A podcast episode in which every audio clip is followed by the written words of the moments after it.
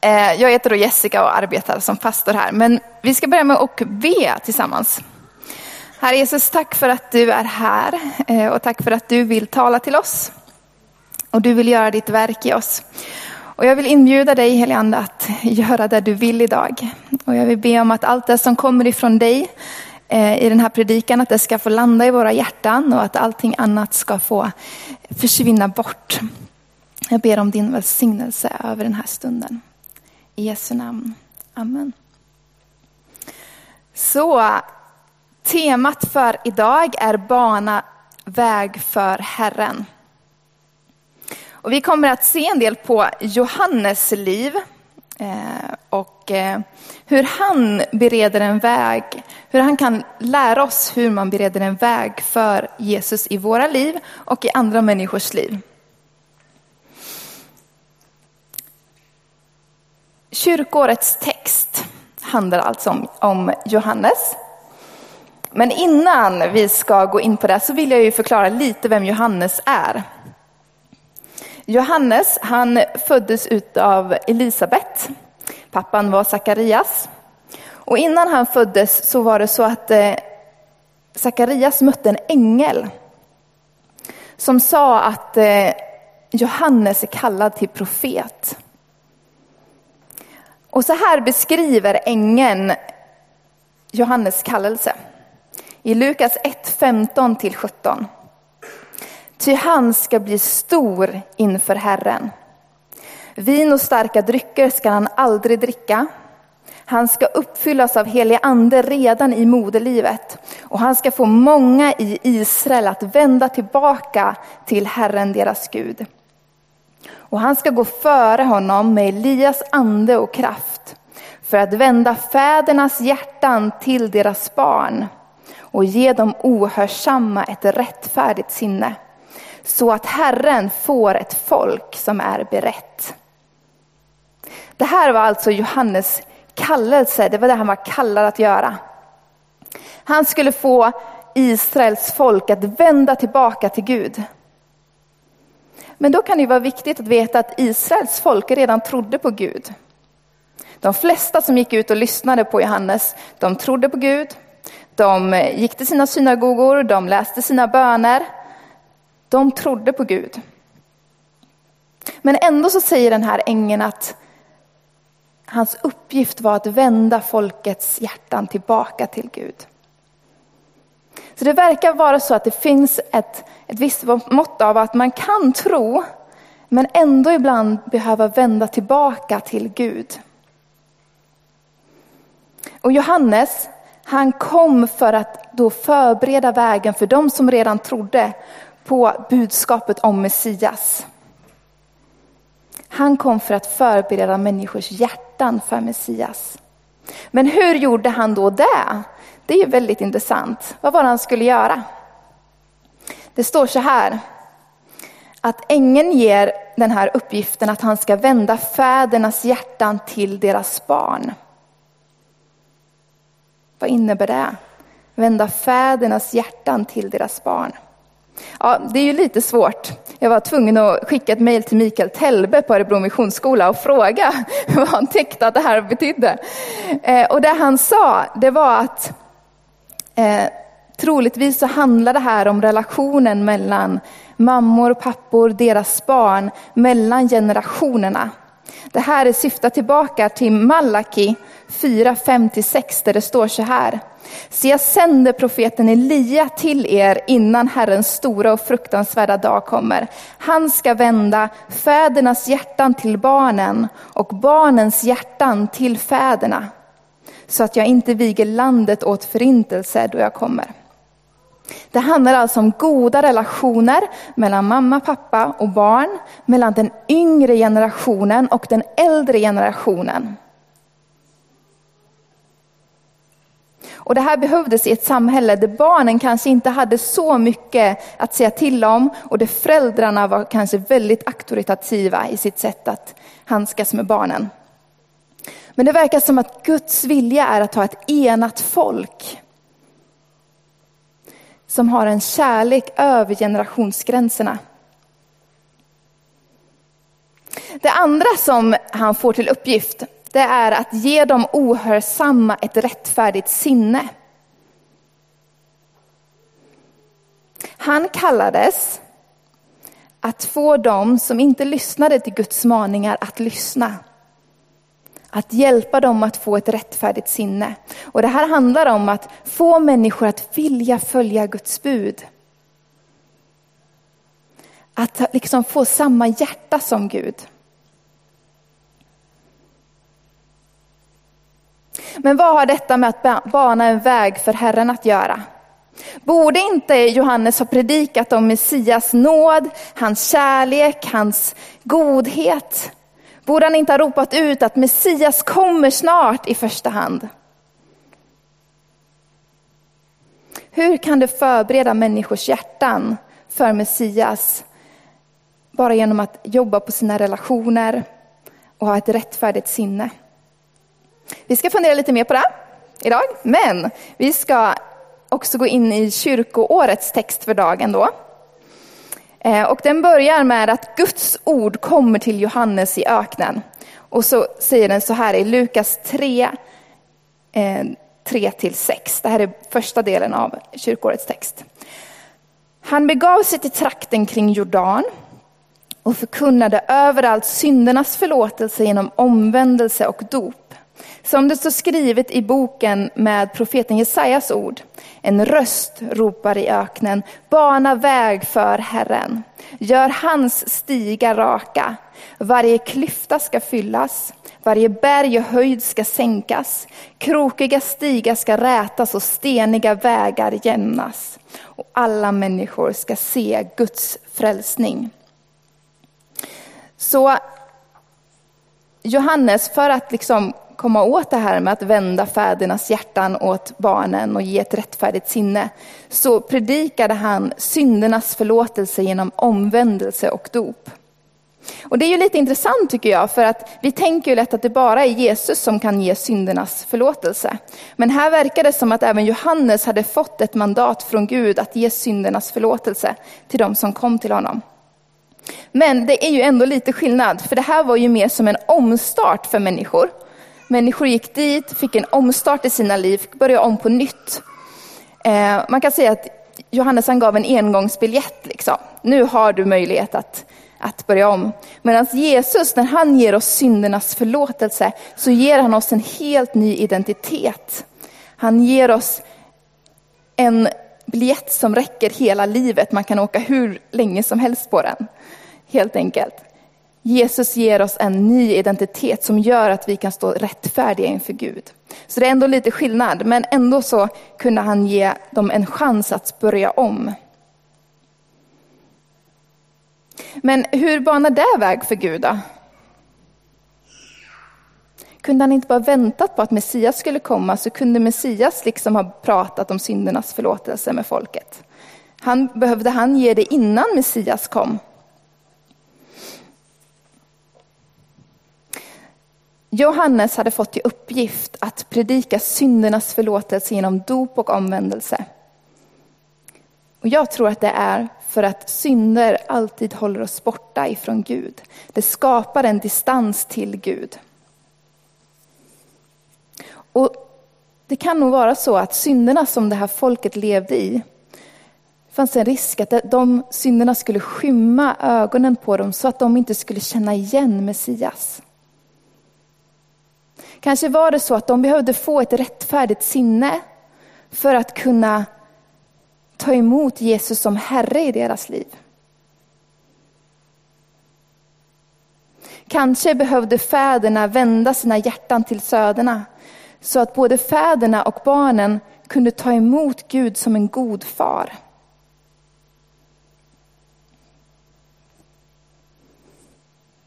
Så vad händer då med folket när Johannes predikar det här? Då ska vi fortsätta läsa i Lukas 3, 7-9. Det är fortsättningen.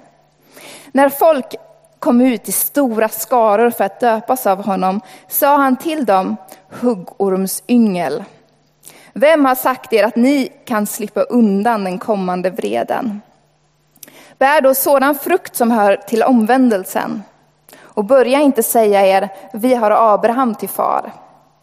Jag säger er att Gud kan uppväcka barn åt Abraham ur dessa stenar. Redan är yxan satt till roten på träden. Varje träd som inte bär god frukt ska huggas bort och kastas i elden. Vilken trevlig liten text va? Jättekul. Eh, så Johannes han börjar med att säga till folket huggormsyngel, vilket ju är ungefär som att säga satans barn till, till folket. Tänk om jag skulle ställa mig och göra det här på söndagar, det skulle inte vara så populärt tror jag. Men han lyckades ro det i land på något sätt, jag vet inte. Ja, det var i alla fall inte så jättepositivt. Eh, och han talar om tidens slut. Och så försöker han få dem att förstå att ja, men de kommer inte slippa undan straffet för sina synder bara för att de är judar. Bara för att de är barn till Abraham. Och det verkar som att det har varit en vanlig ursäkt hos folket där att ja, men jag är ju barn till Abraham. Så, det är lugnt liksom. Jag behöver inte omvända mig. Släktskapet med Abraham trodde de skulle rädda dem så att de inte behövde omvända sig. Och då blir jag lite så här fundersam, ja, men när Gud knackar på våran dörr och frågar oss liksom om att ja, men det, där, det där Jessica, det kanske inte är så bra att du, att du håller på med, du kanske bör vända om. Vad är det för ursäkter jag har då? Är det lite svårt Gud? Eller det passar inte in i mitt liv just nu? ja, men jag tror inte Jesus menade att det berörde just mig och min situation. Jag är ju i en väldigt speciell situation. Ja, men jag är ju Guds barn ändå, så det spelar väl ingen roll hur jag lever. Vad är det för ursäkter som vi lever med idag? Som liksom gör att vi inte riktigt vill omvända oss. Men vad innebär då omvändelse? Idag så predikar vi ju sällan om omvändelse. Överlag så har vi ganska svårt i Sverige idag att prata om synd. Så. Synd är ju det som går emot det goda som Gud har tänkt för våra liv. När vi väljer att gå emot det så, så kallar vi det för synd. Men, men det finns ju konsekvenser, för om vi inte pratar om synd, då behöver vi ju inte omvända oss, eller hur? Och om vi inte behöver omvända oss, då behövs inte syndernas förlåtelse. Och om vi inte behöver syndernas förlåtelse, ja, då behöver inte Jesus dö på korset för oss. Så det finns ganska stora konsekvenser om vi inte vågar prata om omvändelse och inte vågar prata om synd. Så vad är då omvändelse enligt Johannes? Vi fortsätter läsa i den här texten och då står det i Lukas 3, 10-14. Folket frågade honom, vad ska vi då göra? Han svarade, den som har två skjortor ska dela med sig åt den som ingen har ingen har. Och den som har bröd ska göra på samma sätt. Även tullindrivare kom dit för att bli döpta och frågade honom, Mästare, vad ska vi göra? Och han svarade, driv, driv inte in mer än vad som är fastställt. Och när det kom soldater och frågade honom, och vi, vad ska vi göra? sa han till dem, pressa inte av någon pengar med våld eller hot, utan nöj er med ert såld. Det verkar som att omvändelse ur Johannes synvinkel är ett förändrat beteende i första hand.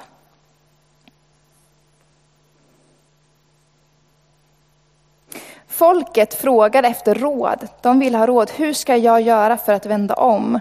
Och han ger väldigt praktiska råd på hur de kan vända om i sina liv. Och råden i det här stycket, det handlar ju främst om pengar. Jag vet inte, men kärleken till pengar verkar ha varit ett lika stort problem då som nu. Eh, och han, han ger liksom eh, råden att de ska dela med sig, att de inte ska utnyttja de svaga i samhället, att de ska vara nöjd med det de har. Det är praktiska råd på hur de ska kunna vända om i sina liv. Och säkert så handlade hans predikningar om mycket fler saker än just pengar. Men det är ändå intressant hur han talar om att det handlar om praktisk handling. I vårt samhälle så upphöjs ju känslor ganska mycket. Eh, och även i våra frikyrkor så upphöjs känslor ganska mycket. Och vi kan lätt resonera lite grann som att ja, men om det inte känns rätt att jag ska omvända mig, då behöver jag ju faktiskt inte göra det. Det måste kännas rätt. Eh, för om, om det inte känns rätt, om inte känslan finns där att jag vill omvända mig, ja men då kanske det är så att anden inte har arbetat i mig tillräckligt mycket. Om anden vill att jag ska omvända mig, då kommer anden verka i mig. Och innan anden har gjort sitt verk i mig, ja, då vill jag kanske inte riktigt omvända mig.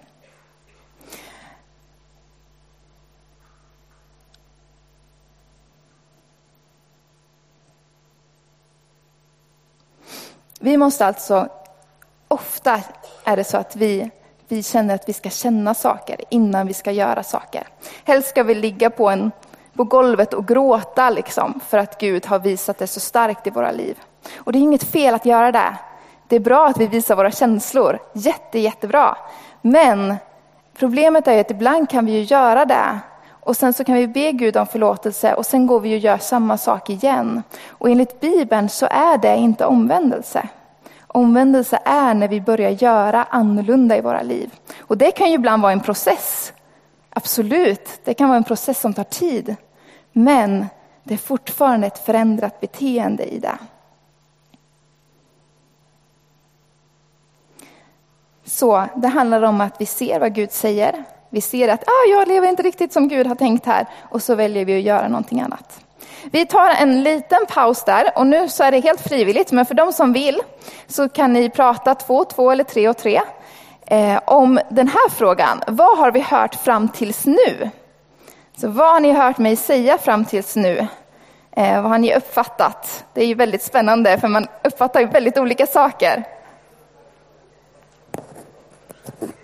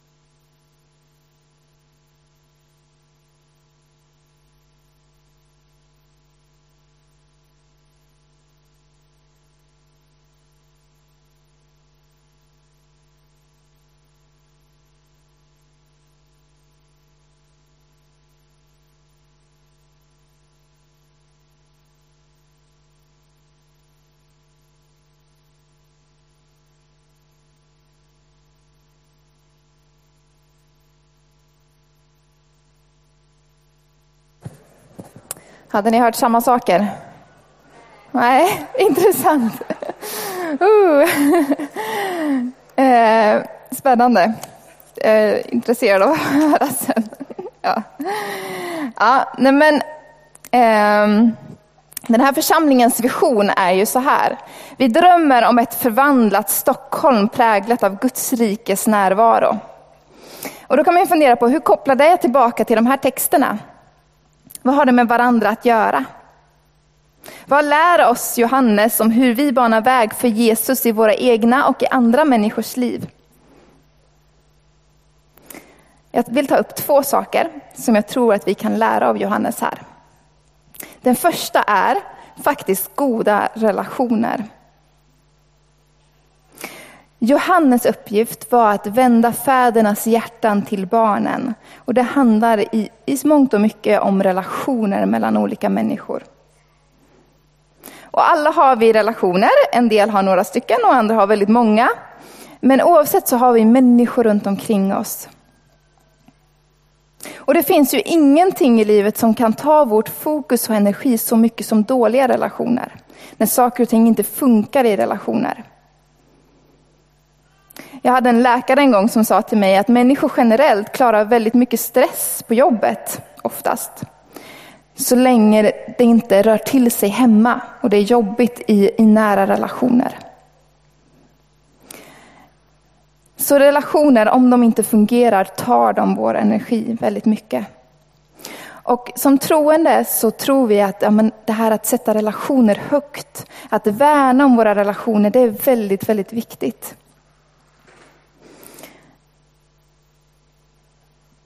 När vi jobbar på våra relationer så ger det mer utrymme för Gud att verka i våra liv. Johannes lär oss att Guds vilja får mer plats när våra relationer är goda. Men då kan man ju fråga sig, finns det beteenden som, mot människor som vi behöver omvända oss från? Finns det relationer som vi behöver be om förlåtelse i och kanske vända om i vårt beteende?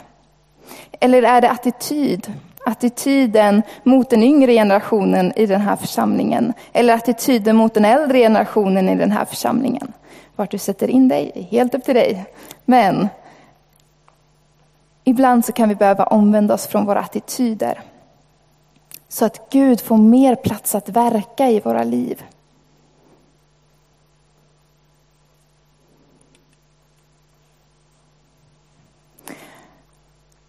Men det här tror jag också gäller bland våra vänner. Vad gör vi? Vad kan vi göra för att bana väg i andra människors liv? I det här samhället så har man ett stort behov av att få kunskap om hur sköter man relationer på ett gott sätt. Och jag tror att Jesus undervisning om hur man hanterar relationer och hur man visar kärlek, de, det är liksom överlägset allting som du någonsin kan se på tv om, om relationer. Det finns en väldig vishet och ett djup i hans undervisning. Och vi människor älskar ju att prata relationer. I alla fall gör jag det och jag tror några till kanske. Ehm, men tänk om vi kunde vara ett folk där vi ställer frågor till våra vänner. Där vi hjälper dem att tänka annorlunda, tänka på Guds sätt om hur man tänker kring relationer. Jag tror att det kan öppna upp för samtal om Jesus. Jag har själv fått referera till Bibeln och, undervisning av Jesus flera gånger när jag har pratat om relationer med människor. Ibland tycker de att det är lite skumt. Så. Men för det mesta så säger de faktiskt ja men det där är ju väldigt klokt. Vi kan lärjunga träna människor och hjälpa dem att se på relationer på Guds sätt. Och jag tror det här förbereder människor för att känna igen Jesus. När vi väl får, får berätta om Jesus sen. För om vi har talat om att ja, men kärlek det är, det är att överlåta sig. Det är att vara trogen. Det är att vara ärlig. Det är att älska utan att begära någonting tillbaka. Att möta det onda med det goda. Att förlåta även när inte den andra förtjänar det.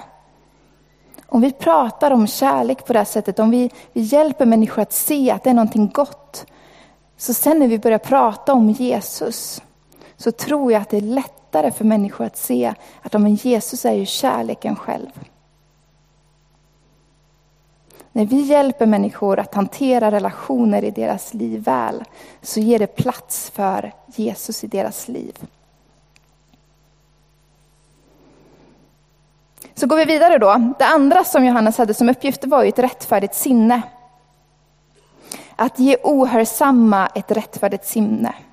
Men varför är då ett rättfärdigt sinne viktigt för oss som troende? Ett rättfärdigt sinne handlar ju om att vi vill göra Guds vilja, att vi längtar efter att göra det som Jesus vill att vi ska göra. Och det handlar inte om att vi, vi kan frälsa oss själva, att vi ska kunna leva ett liv helt perfekta utan någon synd. Och jag tror inte heller det var det Johannes menade. Utan det handlar om en inställning, hur mottagliga vi är för det som Gud vill göra i våra liv. Som jag sa förut så drar oss synder lätt bort ifrån Gud. Och det, synder tror ju vi faktiskt förstör våra liv och andra människors liv. Men när vi väljer att söka det som Gud tycker är rätt, så får Gud en större chans att verka genom mig. Men då är ju frågan att ställa sig, på vilka områden av mitt liv är jag ohörsam på? På vilka områden vill jag inte lyssna? För ibland vet vi att vi lever fel på vissa områden. Och ibland så tror jag att vi behöver stanna upp och vända om i vårt beteende.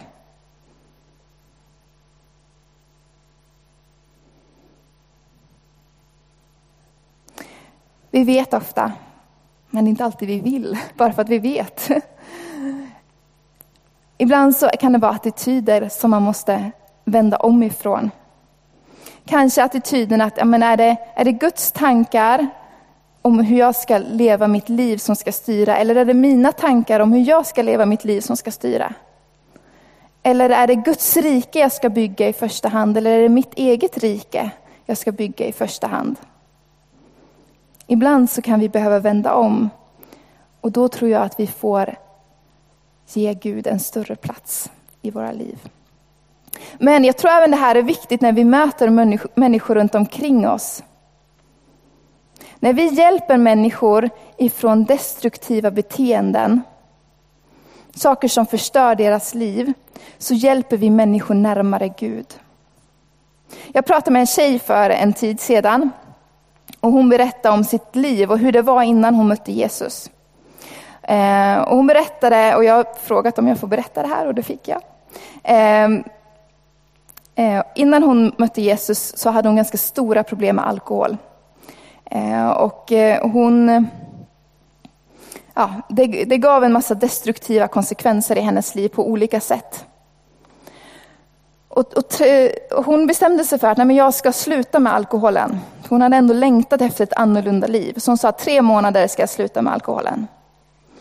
Och efter en månad så bryter Jesus in i hennes liv. Och hennes liv förvandlas totalt. Det blir något helt annat. Men det som jag tyckte var intressant som hon sa var att om, om jag hade fortsatt att druckit under, under de här månaderna, då hade Jesus aldrig haft en chans att komma in i mitt liv. För då hade alkoholen tagit allt mitt fokus.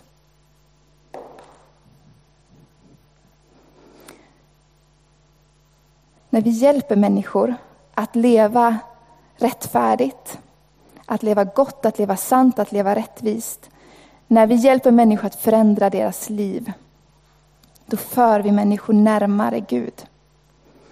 Att hjälpa de oersamma att leva efter Guds vilja för deras liv är att förbereda vägen för Jesus. Men ska vi då se ett förvandlat Stockholm, då tror jag att vi behöver lära oss lite av Johannes här. För det var ju inte heller bara syndernas förlåtelse genom, genom omvändelse och dop som han predikade. Om vi fortsätter då att i den sista delen i den här texten så står det i Lukas 3, 15-16. Folket var fyllt av förväntan och alla frågade sig om inte Johannes kunde vara Messias. Men han svarade dem alla, jag döper er med vatten, men det kommer en som är starkare än jag. Och jag är inte värdig att knyta upp hans sandalremmar. Han ska döpa er med helig ande och eld. Johannes pekade mot Jesus. Han ville att människor skulle se Jesus tydligare. Jesus var de goda nyheterna som Johannes beredde vägen för.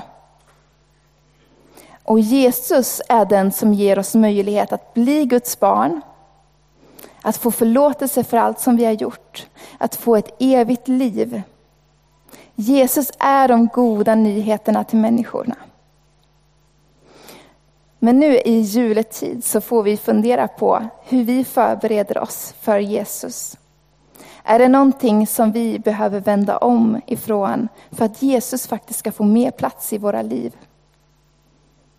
Och när vi väljer att vända om, då står Jesus alltid där med öppna armar och säger att vi är välkomna in i hans famn. Vi ber. Herre Jesus, tack för att du är den som alltid tar oss hem igen till dig. Tack för att vi får vända oss till dig i livets alla situationer. Och tack för att du står vid vår sida och hjälper oss att, att vända om när vi inte klarar det själv. Tack för att du Gud är en god pappa som vill möta oss där vi är. Som vill möta oss eh, i vår situation. Och herre, jag vill be att du ska möta alla här inne med din kärlek idag. Att de ska få se mer av vem du är.